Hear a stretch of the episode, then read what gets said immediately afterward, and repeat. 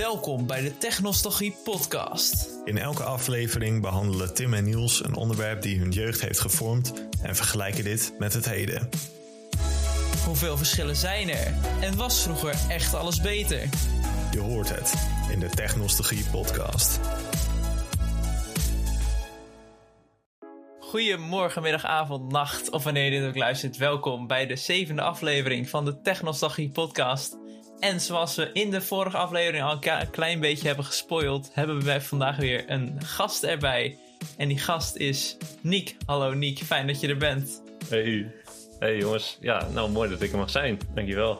Niek heeft natuurlijk alles te maken met het onderwerp van vandaag. Vandaag gaan we het natuurlijk namelijk hebben over muziek.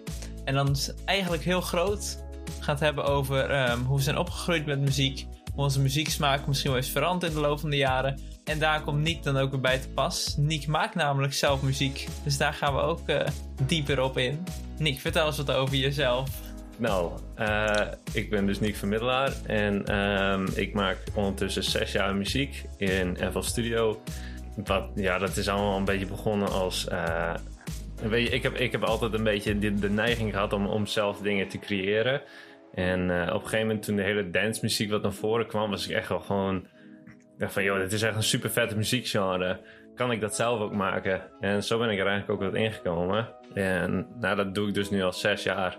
En, en in het begin dan denkt iedereen een beetje van, oh weet je, het is ook zo'n zo nieuwe Martin Garrix of zoiets. En uh, dat, dat was ik ook misschien ook wel door geïnspireerd. Um, maar uiteindelijk is het toch wel steeds wat, serieuzer geworden. Um, ook niet, niet dat ik het echt op een professioneel niveau doe of met een carrière of zo, maar wel dat je eens een keer label releases krijgt. Uh, dat je steeds wat meer in die wereld terechtkomt. Dat je meedoet aan DJ contest en dat soort dingen meer. En gewoon uh, toch wel een klein beetje proeft ook hoe het uiteindelijk ook is om je eigen muziek te draaien voor het publiek. Wat wel uh, bijzonder is. Ook altijd best wel spannend, want je moet natuurlijk altijd die reactie ook maar afwachten van mensen. Maar uh, ja, zo'n beetje in het kort mijn hele lijn er doorheen al. Uh, maar dan kunnen we natuurlijk nog veel verder op in detail gaan. Dus, that's me. Nou, voordat we weer dit helemaal gaan uitluisteren en hoe Niek zijn muziek maakt, en we gaan misschien nog een, naar een van zijn tracks luisteren, gaan we eerst even terug in het verleden en kijken van hoe wij zijn opgegroeid met muziek. Tim, wat is jouw eerste herinnering aan uh, muziek? Um, ik ben opgegroeid vroeger met eigenlijk twee uh, compleet verschillende kanten. Mijn moeder was heel erg van de Nederlandse muziek en er stond thuis mij altijd uh, 100% NL op. En mijn vader was dan weer juist heel erg van de 60s, 70s, 80s muziek. Dus ik heb eigenlijk van kinds af aan van allebei de kanten um, meegemaakt. Ik was vroeger heel erg fan van dan wel Nederlandse bands, zoals bijvoorbeeld de Nick en Simon. Ik ben ooit, en dat is serieus waar, ik ben ooit naar een concert geweest van Nick en Simon hier in Leeuwarden. Serieus? Ja, dat was in uh, november 2009, dus toen was ik acht. Toen, toen waren ze in Leeuwarden. Um, het enige wat ik mij er nog van kan herinneren, dat wij ergens uh, rechts boven het podium zaten. Ik was met mijn moeder en iemand die in onze straat woonde en haar uh, zoon. Die zoon die was uh, midden tijdens het concert in slaap gevallen. En dat is dus het enige wat ik me daar nog van kan herinneren. En voor de rest natuurlijk naast de Nederlandse muziek en dat van mijn vader. Heel veel kindermuziek. dus de welbekende kinderliedjes uh, die in allemaal films en series ook zaten. Dat is een beetje hoe ik erin ben gekomen. Het was vooral de Nederlandse muziek en dat van mijn, de muzieksmaak van mijn vader is een beetje bij ingekomen in de loop van de jaren. En hoe zat dat bij jou, Niek? Hoe ben jij met muziek... Oh. Nou, dat is heel anders. Mijn, mijn vader en moeder uh, waren eigenlijk beide wel heel erg van de death metal. Toen, ze, nou ja, toen ik eigenlijk dus echt heel klein was. Wat dus. Uh, ja, mijn vader had zo'n uh, zo'n stereo. Gewoon echt nou wel zo'n oude stereo. Waar dus ook cassettebandjes in konden. En dan had je meestal nog zo'n... zo'n zo'n soort CD-box of zoiets, waar zes van die CD's tegelijk in konden. Nou, daar gewoon allemaal death metal CD's in. En uh, dat was echt nou, schreeuwen en grunten. En mijn broer en ik vonden het echt fantastisch, want het was gewoon ruig. En als die muziek aanstond, dan konden we gewoon op een bank gaan liggen en gaan trappelen met de voet en helemaal gek gaan doen. En uh, dus ja, we zetten het ook echt gewoon in onze vrije tijd op als mijn vader aan het werk was of zo. Ehm, want ik groeide gewoon mee op en we vonden dat mooi. En dus ik was ook van, van, van gitaren toen. En, en ja, uh, ik, dat vond ik allemaal vet stoer. En mijn moeder vond het ook helemaal leuk. Dus, uh, maar het is, later is dat uiteraard wel veranderd. Wat vet, dat heb ik ook echt nog nooit gehoord. Dat iemand gewoon met keiharde death metal is opgegroeid. Ik had het echt niet verwacht. Ik dacht dat het inderdaad allemaal een beetje hetzelfde was. Gewoon 60s, 70s. Oké, okay, bij Tim dan 100% en hel. uh, maar what the fuck. Ja, bij mij is het ook gewoon, ja, was het ook 60, 60s, 70s en 80s, 90s. Uh, ook vooral zeg maar, in films en series dat je dat hoorde. Gewoon heel veel Disney en DreamWorks. Die deden ook heel veel met uh, die muziek. En dat luister ik ook nog vaak nu op dit moment. Gewoon Earth, Wind Fire, ABBA, Toto, Rolling Stones, Beatles ook. heel veel van dat soort bandjes en artiesten hoorde ik toen. En toen dacht ik van, oh, dit is oude muziek. Maar dan ben ik steeds een beetje meer ingerold eigenlijk door mijn ouders. Ik moet er eigenlijk ook wel bij vertellen. Mijn vader die was, was drummer in ook zo'n soort band. Dus dat was natuurlijk ook zoveel mogelijk nou ja, tommen en dat soort dingen aanslaan per minuut. Dat echt hoge BBM's. Dus ja, dat was ook wel gewoon... nou, dan zit je ook vaak wel in een andere soort muziekstijl natuurlijk. Kom je automatisch in als je vader in zo'n soort band speelde. Dus ja, toevoegingje erop. Mijn vader heeft uh, ook gedrumd. Die zat ook in een bandje, maar dat was dan wel ook echt uh, uh, 60s tot en met 90s. Zo'n beetje, dus niet death metal. En een beetje rustig drummen in dat opzicht dan. Nou, ik hoor mijn vader wel eens zingen. En dan vallen de vogels spontaan dood van het dak af. Dus nee, wij hebben verder geen muzikale kunsten in ons huis. Nu je het daarover hebt, ik heb een tijdje gitaar gespeeld. Toen ik elf was, misschien. Van elf of twaalf tot en met vijftien, denk ik. Toen was ik ermee gestopt. Daar heb ik een tijdje elektrisch gitaar, gespeeld. Ik was er niet echt goed in. En uh, ik, uh, ik zal maar zeggen dat ik het druk had met school. Maar ik, ik vond het niet echt leuk meer, uh, eigenlijk.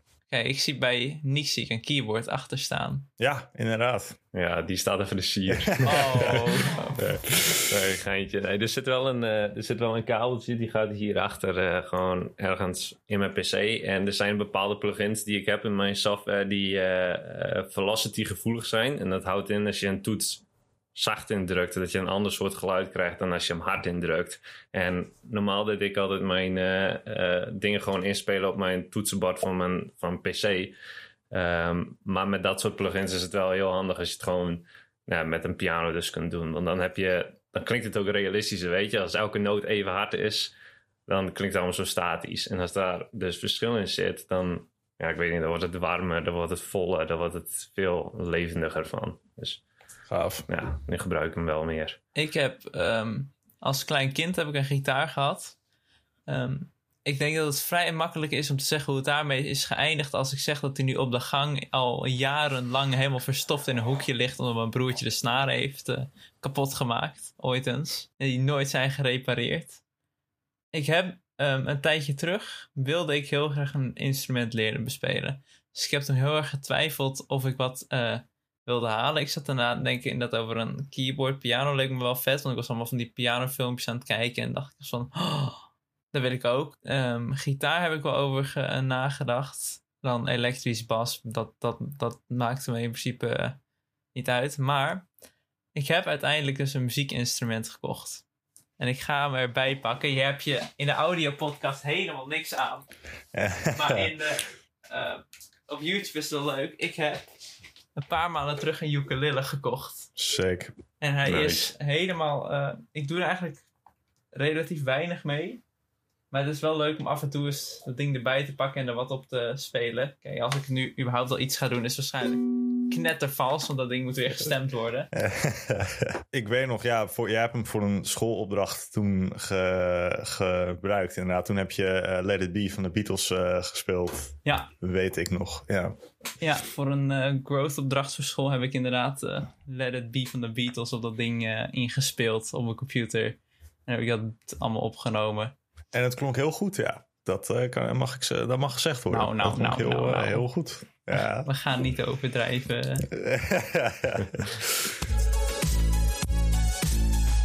Uh, Niek, dus je bent eerst uh, als klein kind gaan luisteren naar death metal, uh, blijkbaar. ben je toen ook andere dingen gaan luisteren? En wat luister je ten opzichte van dat nu? Is dat veranderd? ja, ik, ja, dat is eigenlijk wel een goede. Ik weet niet heel goed meer naar welke muziek ik eigenlijk luisterde tussen de death metal periode, wat ongeveer was dat een, tot een jaar of zeven misschien. En daartussen, ik heb wel echt ook zo'n zo'n moment gehad die gewoon elke puber heeft gehad, waar je dus naar Gerspadoel luisterde en gewoon echt, uh, weet je, pakje dragen en dat soort dingen meer, of hoe, hoe het nummer ook maar heet. En uh, uh, ik luisterde ook wel best vaak naar muziek van videogames. Dus als ik videogames speelde of zo, ik vond de achtergrondmuziek al best wel stoer. En dat had ook al een klein beetje dat elektronische erin. Dus misschien dat daar al vast een beetje de liefde daarvoor is ontstaan, zeg maar. Maar um, ja, ik heb ook wel naar, naar Gummy Bear muziek geluisterd. En, en hele kinderachtige dingen natuurlijk. Dat mocht ik wel toen een kind was, dus disclaimer. Maar um, nee, het, het, is, het is heel, heel erg uh, veranderd. En nog steeds wel. Want ik dacht toen ik voor het eerst begon met muziek maken... dat ik echt één stijl zou gaan maken en daar ook altijd bij zou blijven. En dat is echt niet meer het geval. Want als ik die stijl nu terug hoor en denk van pff, dat was vet saai. Ben blij dat ik dit nu doe. Dus het blijft ook wel, het blijft ook wel veranderen, nog steeds. Maar het is toch ook wel dat muziek sowieso ontwikkelt. Dus dat je daar ook weer mee moet gaan. Dat je ook heel lastig in eenzelfde stijl kan blijven ja, ja, dat is waar. En ik, ik heb voor mezelf inderdaad wat je zegt. Je kunt inderdaad in een stijl meegaan. En, en mocht je willen focussen op succesvolle producer worden... dan is dat op zich ook wel een goed idee. Want uh, je wilt natuurlijk toch met de tijd meegaan en ook maken wat populair is. Als je populair wilt zijn. Maar ik heb op een gegeven moment toch wel de keuze voor mezelf gemaakt dat ik uh, soms juist ook hele genres die helemaal uit de tijd zijn, juist nog wel heel interessant vind. En ik denk ook wel dat dat juist een goed ding is. Want hoe meer inspiratie je uit verschillende genres, des te meer daar je ook je eigen twist weer aan geeft. Dus uh, ja, het is als producer inderdaad aan de ene kant belangrijk dat je met de muziek meegaat. En aan de andere kant wees ook gewoon vrij en open voor alles wat er is, zeg maar. Dat heeft mij ook wel goed geholpen. En bij jou, Tim, begonnen met de 100% NL en uh, 80s en 90s. En uh, eerder dan dat, waar luister je nu naar? Het, is, het gaat echt, mijn muzieksmaak gaat echt van links naar rechts van alles. Ik kan, heb letterlijk in, mijn, uh, in de tijd ongeveer van nou, 12 tot 18, 19 eigenlijk tot nu, heb ik echt alles geluisterd. Ik heb zoveel verschillende fases gehad met dingen waar ik naar luisterde. Um, de hele tijd was het wel redelijk gewoon mainstream. Een beetje gewoon top 40 dingen wat iedereen uh, luisterde. Een van de fases waar ik mezelf uh, het meest voor schaam is mijn Nederlandse rapfase. Ik denk dat ieder, elk jochie uh, van 14 die wel een keer heeft meegemaakt. Wat voor Nederlandse rap? ik denk dat je het wel kan raden. Mensen als Leeuw Kleine, oh. Ronnie Flex, Hoef, dat soort. Uh, ik kan me nog herinneren, dat, dat was in HAVO 1, het einde HAVO 1. Toen hadden we um, Jam les een soort trommel is het volgens mij. Oh, ja. Of zoiets. Het kan ook zijn dat ik nu een enorme fout maak, maar volgens mij uh, was dat iets. En toen ging de hele klas ging daar drank en drugs op zingen. Letterlijk, de hele klas. Dat was toen zeg maar um, het nummer. Dus dat die fase heb ik gehad. Ik zit nu wel echt. Um, gewoon dat ik gewoon luister waar ik zin in heb. Ik heb een playlist waar echt allemaal 60s tot 90s nummers in staan. Dat is heel chill om af en toe te luisteren. Ik heb wel een playlist um, waar de muziek uit. Uh, waar een beetje 2010 uh, muziek in zit. Dus echt van 2010 tot 2019. Dat is ook echt. Het voelt misschien voor sommige nummers nog niet eens zo lang geleden. Maar als je dan van bepaalde nummers ziet dat al uit 2011 komt of uit 2010. Nou, dat is echt een uh, trip ja, down klopt. memory dat lane. heb ik ook wel eens. Dan zie je inderdaad een nummer dat je denkt van... oh ja, daar luister ik twee jaar geleden naar. En dan komt het nummer uit 2014 of zoiets, weet je. En dan denk Ja. is het alweer zo lang geleden? Ja, nee, dat heb ik met heel veel eh, muziek de laatste tijd. Als ik weer een beetje aan het terugluisteren ben van... eh, wat is er nou allemaal gemaakt? En dan besef je ook eigenlijk hoe fucking veel nummers je eigenlijk wel weet eh, die er zijn gemaakt, die toen gewoon populair waren. En die dan gewoon opeens, ook qua bands, die dan gewoon ineens compleet zijn verdwenen. Die gewoon één bekend nummer hebben gehad. En daarna gewoon poef, niks meer van gehoord. Ja, klopt. Ehm, dus ja, mijn muzieksmaak is echt, ehm, gaat van links naar rechts, kan alles zijn. De ene moment is het dat, de andere moment is het dat. Het is echt eh, heel afhankelijk van waar ik zin in heb. Wat ik, wat ik wel grappig vond, is wat jij zei over, eh, over drank en drugs. Ik weet nog wel dat dat nummer voor het eerst toen op de radio kwam, dat echt best wel heel veel mensen gewoon een beetje gechoqueerd waren. Haast van, oh, dit is best wel grof. Gewoon zingen over drugs en over drank. En, en het moet allemaal normaal zijn tegenwoordig en zo. Maar sinds die tijd is het volgens mij wel steeds normaler geworden dat we gewoon ook dat soort teksten in nummers gebruiken. En we accepteren het ook steeds beter. In ieder geval in de Nederlandstalige muziek heb ik het idee. Ja, nee, dat vind ik interessant dat je dat zegt inderdaad. Want heel veel Engelse muziek zingen ze daar alleen maar over. Over fucking eh, hoeren, drugs, drank, eh, geld, auto's. Uh, bijvoorbeeld een nummer uh, Golden Brown. Uh, ik weet even niet de, de artiest meer. Het is een redelijk nou, oud nummer. Die zingt, een man zingt over heroïne en, en, en, het mooie ervan. En drank en drugs is dan iets te, te erg voor iemand die Nederlands is. Dat vind ik dan opmerkelijk eigenlijk. Ja. Ik weet nog wel dat daar een kinderversie van was gemaakt. Van drank en drugs. Door Giel Belen. Die zat toen nog nee. bij 3FM en die had toen die twee te gast. En toen had hij een kinderversie gemaakt. Dat was dan uh, chips en cola.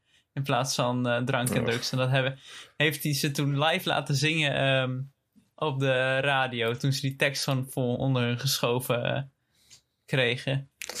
Dus ik ja, denk, dat was toen zo'n ding van drank en drugs. Oh, shocking, kan niet dat er dat soort dingen toen uitkwamen. Ja. Maar nee, ik denk sowieso dat drank en drugs was wel echt een nieuw begin of zo van die Nederlandse scene aan Klopt. die kant. Ik denk dat heel veel mensen daar toen echt fatsoenlijk kennis mee. Uh, nou, maar het is vooral echt het debuut van Leeuw Kleine en Ronnie Flex. En die zijn daarna echt gewoon helemaal opgeblazen. Die uh, zijn nu uh, toen heel erg bekend geworden.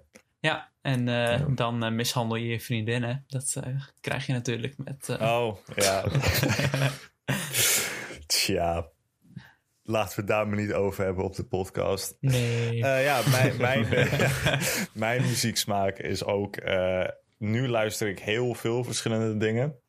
Maar het is inderdaad. Het begon dus met het luisteren naar. Niet echt per se luisteren, maar eerder horen van uh, muziek van mijn ouders. Maar ja, toen, dan ben je jong en dan moet je andere dingen luisteren. Zoals Nederlandse rap op een gegeven moment. Of Gersper Doel in groep 8 of zo ik had er toen al een hekel aan. Uh, Nederlandse rap. Nooit wat mee gehad. Nu, eh, nog steeds niet heel erg. Ik hou er niet van. Dus ik had eigenlijk helemaal geen smaak. In ieder geval geen goede smaak. Op een gegeven moment luisterde ik van uh, eindgroep 8 tot en met eind eerste, begin tweede of zo veel naar Yellow Claw. Dat kent Nick misschien wel. Ja, ik ken het ook wel hoor, rustig aan. Vet. Oh, oké, oké, oké. Sorry sorry. Dat vond ik heel vette muziek. Maar het is nu ook wel best wel wat afgezwakt. En nu luister ik gewoon echt gewoon nog steeds heel veel naar die 80s, uh, 90s en daarvoor. Um, veel Engelse rap, alternative luister ik veel. Ja, ik heb trouwens iets vanmorgen. Ik moest uh, boodschappen doen en mijn broer wegbrengen bij de halt. En uh, ik heb al, nu al een tijdje een eigen auto. En daar kan ik alleen uh, Bluetooth op luisteren, omdat de antenne uh, niet werkt op mijn oude Volvo. Het ding is met autorijden, misschien Niek, heb jij een rijbewijs? Natuurlijk heb ik mijn rijbewijs. Ja, ja nou, Tim heeft hem niet namelijk, dus zo tuurlijk is dat blijkbaar niet. Maar um, het luisteren van muziek in de auto rijden is niet hetzelfde zonder muziek, vind ik. Nee, nee, klopt. Nee, klopt hè. Dat is gewoon iets heel ap apart. Dan is het gewoon zo stil in de auto en dan is het gewoon heel saai. Uh, maar dan ja, luister ik heel veel verschillende dingen. En het is net wat voor mood je bent. Want dat is het met muziek. Dan luister ik weer naar Dr. Dre, Tupac, uh, Ice Cube, weet ik veel, heel veel hip-hop classics. En dan luister ik weer naar ABBA en, en Toto. Maar vervolgens luister ik dan de dag erna weer naar Tyler the Creator en allemaal nieuwe shit. Uh, dus het is ja, heel erg verschillend nu. Uh, dus ik ben gewoon veel meer dingen gaan proberen over de tijd heen. En nu luister ik gewoon heel veel verschillende dingen. Behalve Nederlands dan. Behalve Nederlands. ja, daar kan ik nog niet uit committen, uh, Tim. Ik vind het wel grappig dat je ook nog wel zegt dat je naar ABBA luistert. Want volgens mij is dat best wel heel erg oud. En ik merk dat Ja. sowieso wel dat bij, eh, bij mensen ook dat ze toch wel soms weer eens een, een duikje terugnemen in het verleden of zoiets. En mijn broertje ook, die was gewoon best wel heel erg met de tijd mee. Die heeft natuurlijk ook eh, de nederpop geluisterd van, van, van eh, Lil Kleine en zo. En op een gegeven moment ging dat heel erg naar de Amerikaanse hip-hop. Dat is nog steeds heel erg in. Maar had echt een jaar geleden of zoiets dat je in één keer gewoon een jump back naar Queen. Dus gewoon, hij luisterde allemaal Queen Ja. muziek. En dat, dat was toen op een of andere manier weer een beetje in of zoiets. Ik heb geen idee. Maar het, eh, dat verschilt ook nog wel eens heel erg. Ja, nee, zo begon het bij mij dus ook heel erg opeens gewoon... Oké, ehm, dit klinkt wel heel vet. Queen, natuurlijk ook met eh, Bohemian Rhapsody, die, ehm, ehm, de film... Is dat eh, natuurlijk ook heel erg opgeblazen, denk ik. Gewoon weer daarnaar luisteren en zo. Maar sowieso niet alleen Queen, maar in het algemeen is ethisch Ja. muziek weer helemaal terug. Ook Klopt. gewoon allemaal ehm, artiesten die er weer helemaal in een ethisch stijl ehm, muziek maken. Kijk naar The Weeknd bijvoorbeeld. Dat vind ik een heel goed voorbeeld eh, van dat soort muziek. Die doet dat nu alleen maar. En man, dat is fantastische muziek, vind ik dat. Ik vind echt zijn, eh, eh, dat album wat hij heeft, is echt top. Dat is helemaal in die ethisch eh, vibe. En daar ga ik de laatste tijd ook heel... dus ja, ik denk dat dat ook een ding is. Dat mensen gewoon oude muziek in een nieuw jasje stoppen. En daar dan ook nieuwe remixes van maken de laatste tijd. Ehm, kijk naar ehm Rasputin. Ik denk dat iedereen die nieuwe remix daarvan wel heeft eh, gehoord. Die nu vet veel op de radio is. Ik weet niet waar je het over hebt. Ik ken wel gewoon normale eh Rasputin van Boney M, toch? Ja, ja. Er is een, eh, een nieuwe versie van. Die Hebben jullie allebei nog niet. nooit gehoord? Oh, ik heb hem vast vast. Nee. gehoord. Maar weet je, dat moet ik ook wel toegeven. Ik ken heel veel oude namen of oude nummers ken ik niet qua naam. Dat, eh, Heb ik ook hoor. Dat, eh, ja, dat snap ik. Ik, ik, ken, ik herken Rasputin, ja, Ja. maar verder, nee, dit heb ik nog nooit gehoord. Wauw. oh my god. Ja, nee, maar ik, lu- ik luister nooit radio. Wat ik al zei, in mijn auto heb ik geen radio. Omdat die antenne, die heb ik helemaal ingeschoven. Want anders kan ik niet door een wasstraat heen. Maar die, dat motortje is kapot, dus ik kan hem niet snel eh, in en uit doen. Dus ik luister alleen maar op mijn eh, gewoon Bluetooth. Ik heb dus een tijdje terug, heb ik weer helemaal opnieuw ben ik weer radio gaan luisteren. En dan vooral ehm, eigenlijk een radiostation dat helemaal de zeebodem onder is gedoken, qua dat totaal niet meer populair is. eh 3FM luister ik de laatste tijd alweer veel. Dat was vroeger echt vet groot, echt nummer 1 Klopt. radiostation van Nederland. En dat is nu echt maar een klein eh, stationnetje. Maar die hebben ook heel veel eh, echt nieuwe, nieuwe muziek. Ook een beetje alternatief. Heel veel nieuw eh, Nederlands talent zit daar ook. Dus die combi vind ik wel heel chill eh, om te luisteren af en toe. Maar dat verschilt ook wel qua, qua DJ, welke muziek er is. Ik bedoel, er zijn DJ's die hebben dan nog wat oude nummers er tussenin gemixt. En dat vind ik ook wel lekker om te horen.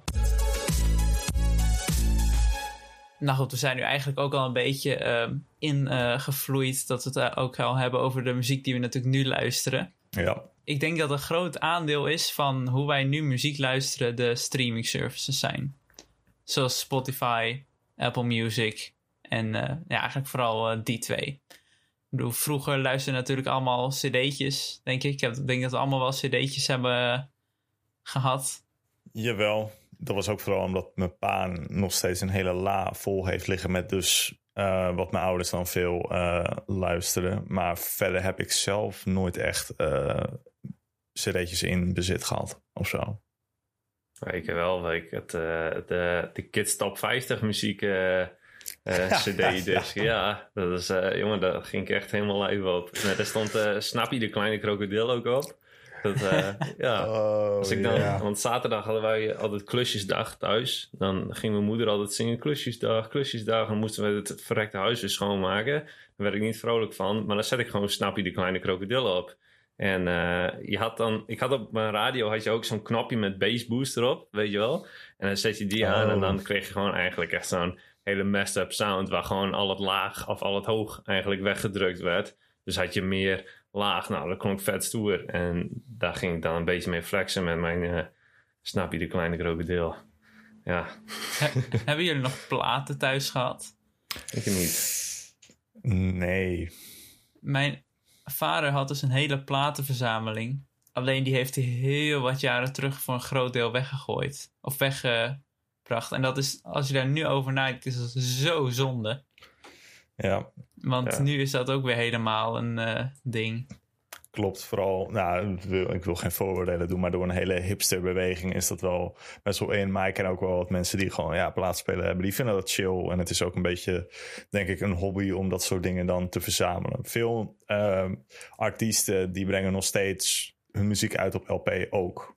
Eh, in plaats van dat ze het alleen releasen op Spotify of zo. Of op CD's misschien nog wel. Doen ze het ook op eh, LP. Ja, je ziet ook wel eh, steeds vaker weer DJ's die het gewoon gebruiken. Die echt weer een plaat gewoon opleggen en die dat gewoon scratchen en dat soort dingen doen.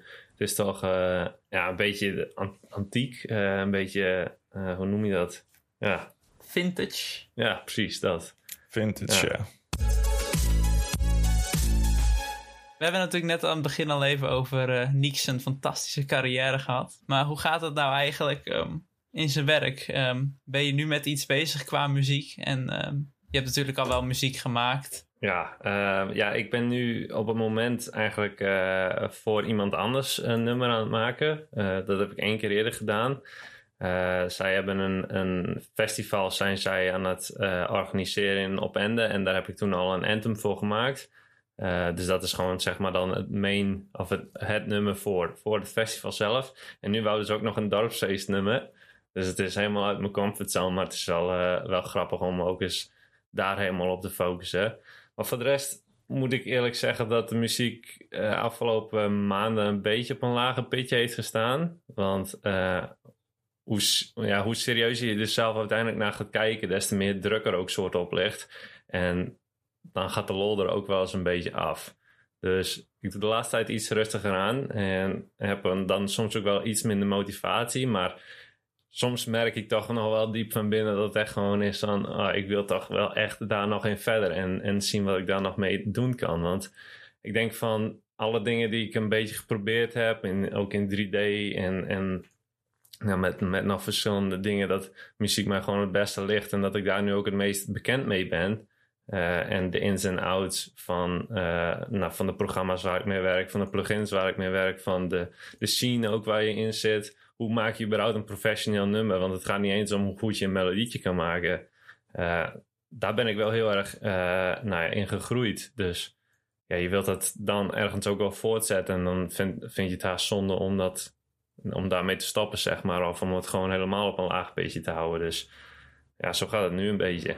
Want hoeveel nummers heb je nou echt uitgebracht? Zodat die mensen kunnen luisteren? Ah, En waar kunnen ze het luisteren? Eh, bekendste nummers staan op Spotify, want dat is het voordeel. Als je op een eh, label released, dan doen zij dat voor je. Dus eh, ja, de bekendste nummers die staan op Spotify. En ik denk dat ik... Nou, ik ben niet een een of andere David Guetta die 500 nummers heeft gereleased. Ik denk dat het bij mij eerder op 25 zit. Nog niet eens, denk ik.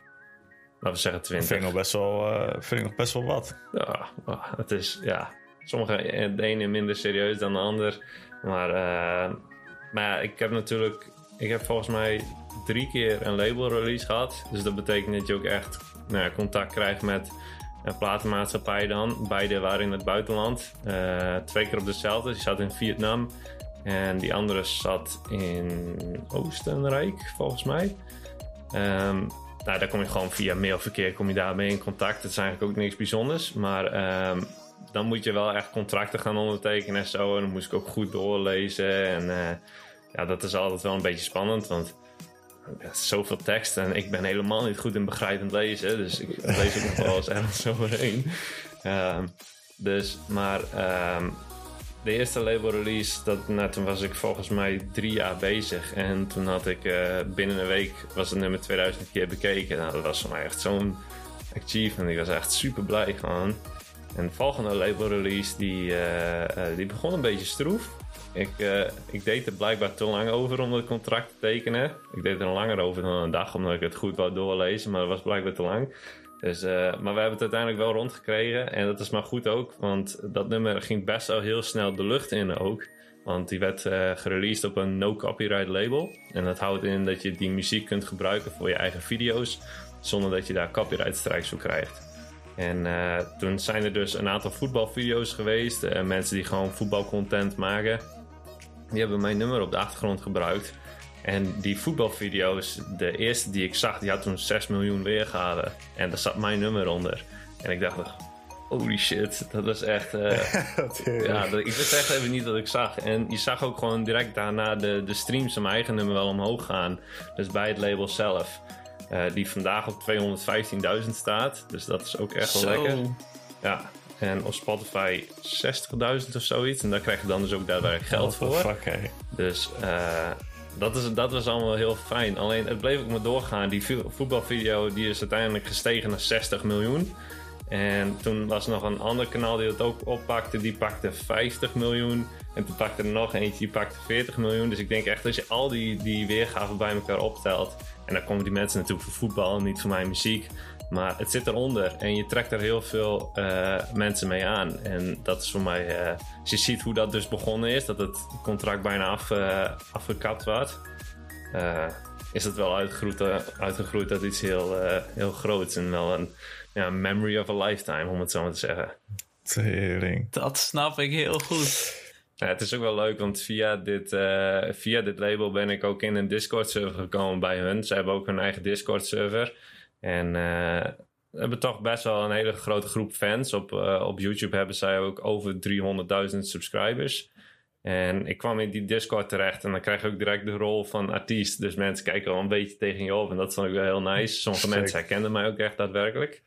Eh, en uiteindelijk is dat ook uitgegroeid dat ik daar nu de, de admin in ben. Dus ik bepaal ook de regels en de events eh, die plaatsvinden. En ik heb nog gewoon regelmatig ook wel contact met die labelbaas over nou ja, eh, nou, vers- verschillende dingen binnen die Discord of eventuele eh, releases op het label ook. Dus Ja. Echt heel vet. Ja. Heb je nou ook, als je ziet dat ehm, zo'n nummer die dan op een non-copyright label is gereleased, heb je dan ook een bepaalde voorkeur voor toekomstige nummers? Voor waar, op wat voor label die zouden staan mocht je weer die kans krijgen?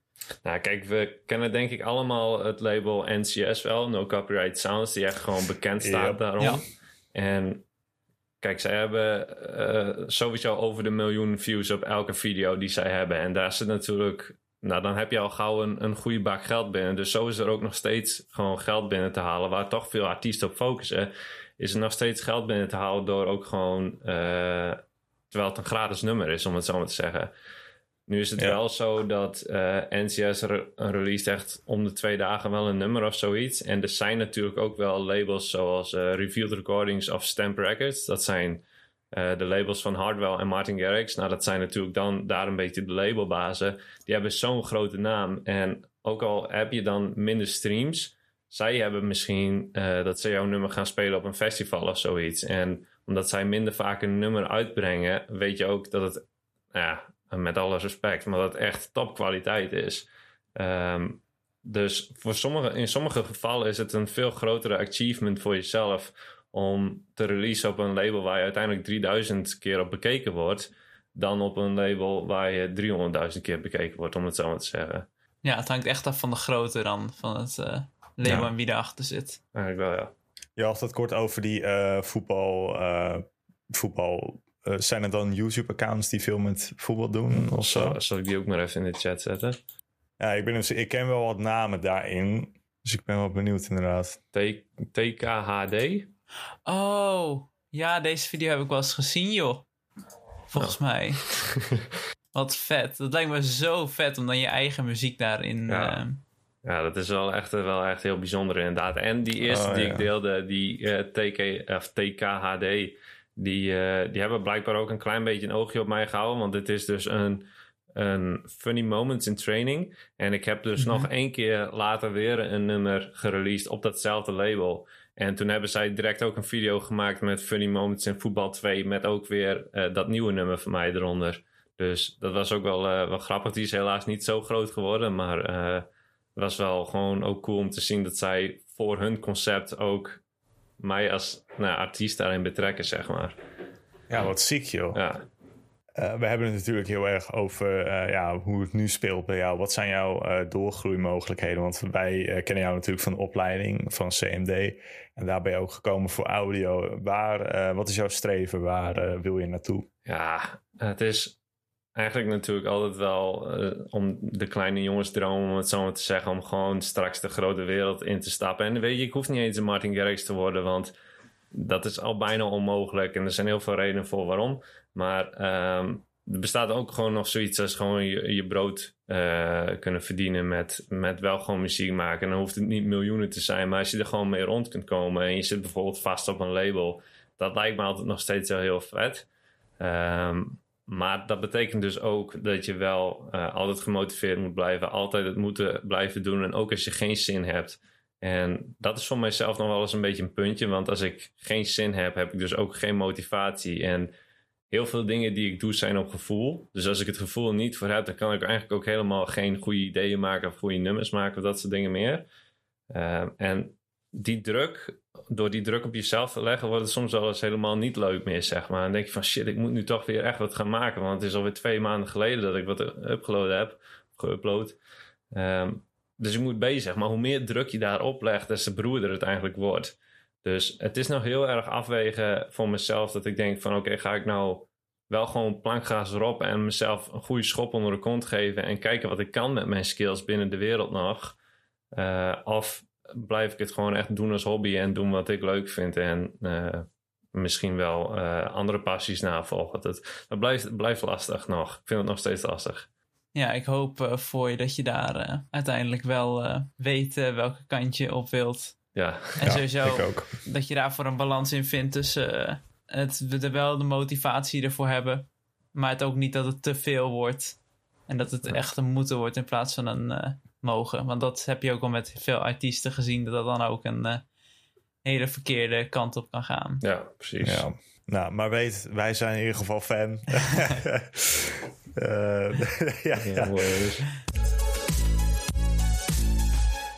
We hebben het heel erg gehad over het verleden en wat wij nu luisteren. En uh, onze Nick Mavic middelaar zijn uh, skills binnen de muziek. Um, maar ja, wat is nou beter? En dan heb ik vooral over het genre, denk ik.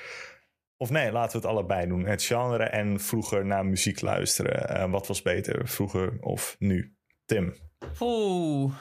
Um, ik, denk, ik denk dat het een van de lastigste vind die er tot nu toe is geweest. En dat is vooral doordat mijn muzieksmaak zo erg kan verschillen tussen echt de nieuwste van de nieuwste muziek en de oude muziek. Ik denk dat vooral qua de manier waarop je naar muziek luistert, dat dat nu beter is. Aangezien je nu letterlijk gewoon, je hoeft niet eens oortjes in te doen. Je, hoeft gewoon, je kan gewoon simpel een app openen en op play klikken. En je luistert dan naar muziek, waar dat vroeger nog allemaal via andere apparaten moest. Dat je een cd'tje nog in de cd-speler moest stoppen. En daarom weer op moest wachten tot het die was geladen. Of uh, spelen, dat je die platen eerst op moest doen. Dus ik denk dat, dat als je daarop kijkt, dat het nu beter is. En als je kijkt naar echte muziek zelf, dat ik daar heel lastig een antwoord op kan geven, aangezien daar gewoon aan beide kanten heel veel goeds aan zit. Oké. Okay. Niek, hoe zit dat bij jou? Ja, dat is eigenlijk een hele goede vraag, want het is uh, heel erg dubbel. Um, ik denk namelijk zelf persoonlijk dat ik de muziek van vroeger beter vind. Uh, als je kijkt naar een technisch uh, perspectief, Um, hoe zij daar eigenlijk nog veel meer deden met, in combinatie met bas en drums en, en, en piano's. En hoe dat eigenlijk allemaal samenvormde. De verschillende patronen die ze pakten. En dat elk nummer toch wel heel erg uniek was. En als ik dan eerlijk ben, je hebt heel veel muziek tegenwoordig wat echt... Uh, uh, nou ja, er zijn natuurlijk heel veel fans van, van, van tegenwoordig van die Amerikaanse rappers. Uh, maar ik weet niet, Lil Pump heet die. die eerste video ah. die toen uitkwam.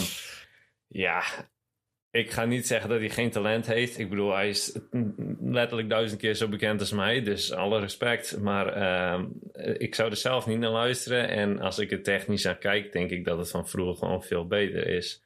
Uh, maar dat is het technische perspectief. Ik denk wel, en dat vind ik ook wel weer grappig om te zien hoe mijn vader daarin gegroeid is. De eerste keer dat ik de laptop opstartte met mijn programma, was het echt zo van, ach, mijn zoon hier ook al door besmet, weet je. Die gaat nu ook uh, elektronische muziek maken met van die nep synthesizers, terwijl we allemaal weten dat een gitaar het echte instrument is, weet je.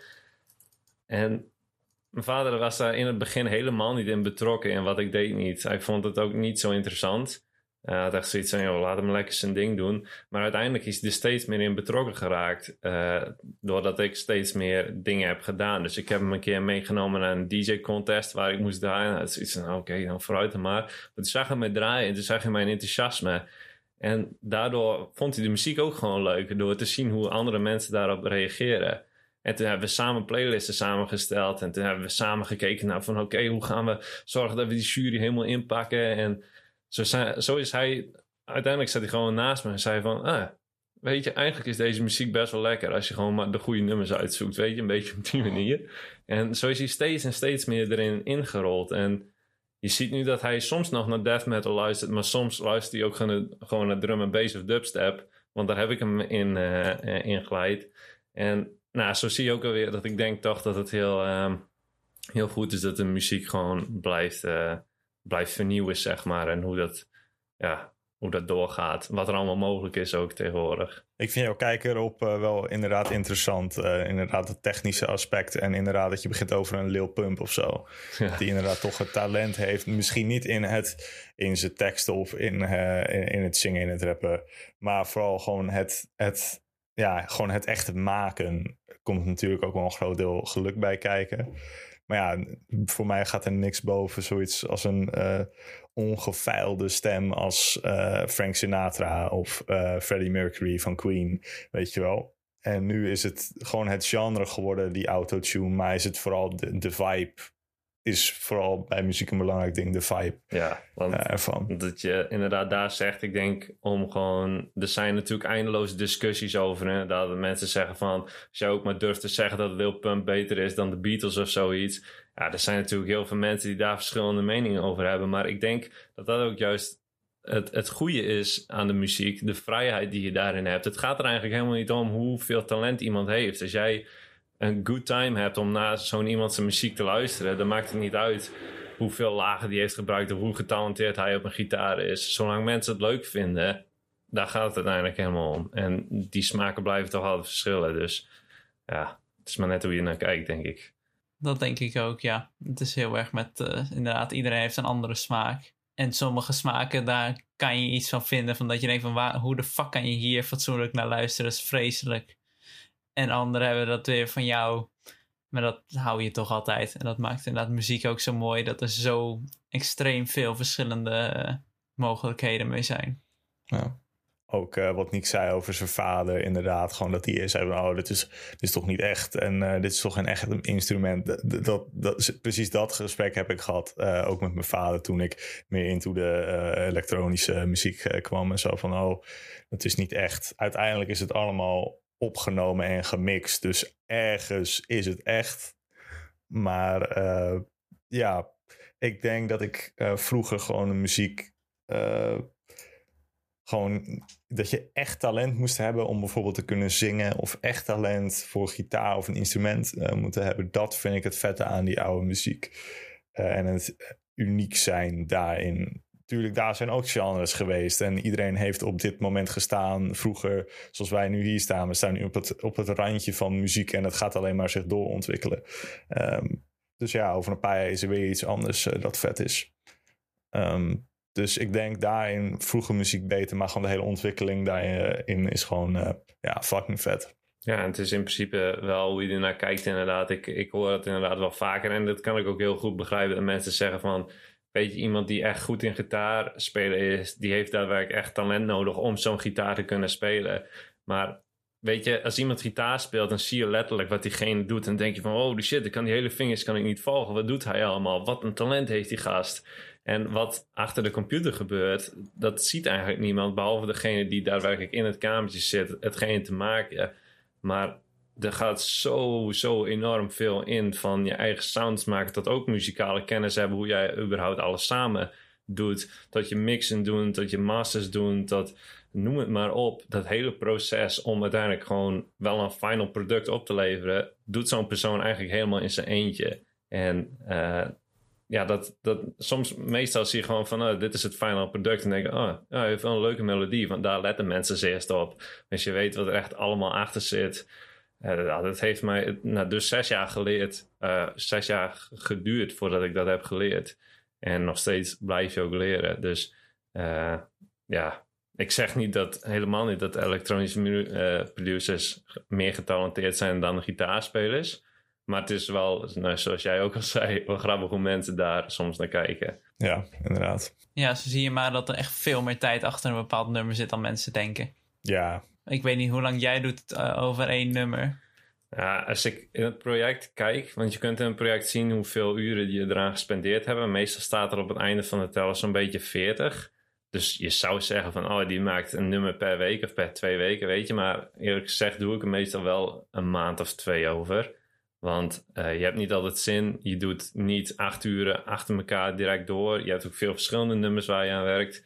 Dus uh, ja, 40 uren, maar twee maanden, zo'n beetje. Ja, precies. Nou, ik denk dat we dan aan het einde zijn, aan het einde zijn van deze uh, podcast, deze aflevering. Uh, ik denk dat we het redelijk eens zijn over ja, vroeger beter of nu. Vooral de ontwikkelingen erin zijn vet. Vroeger het ongeveilde beter.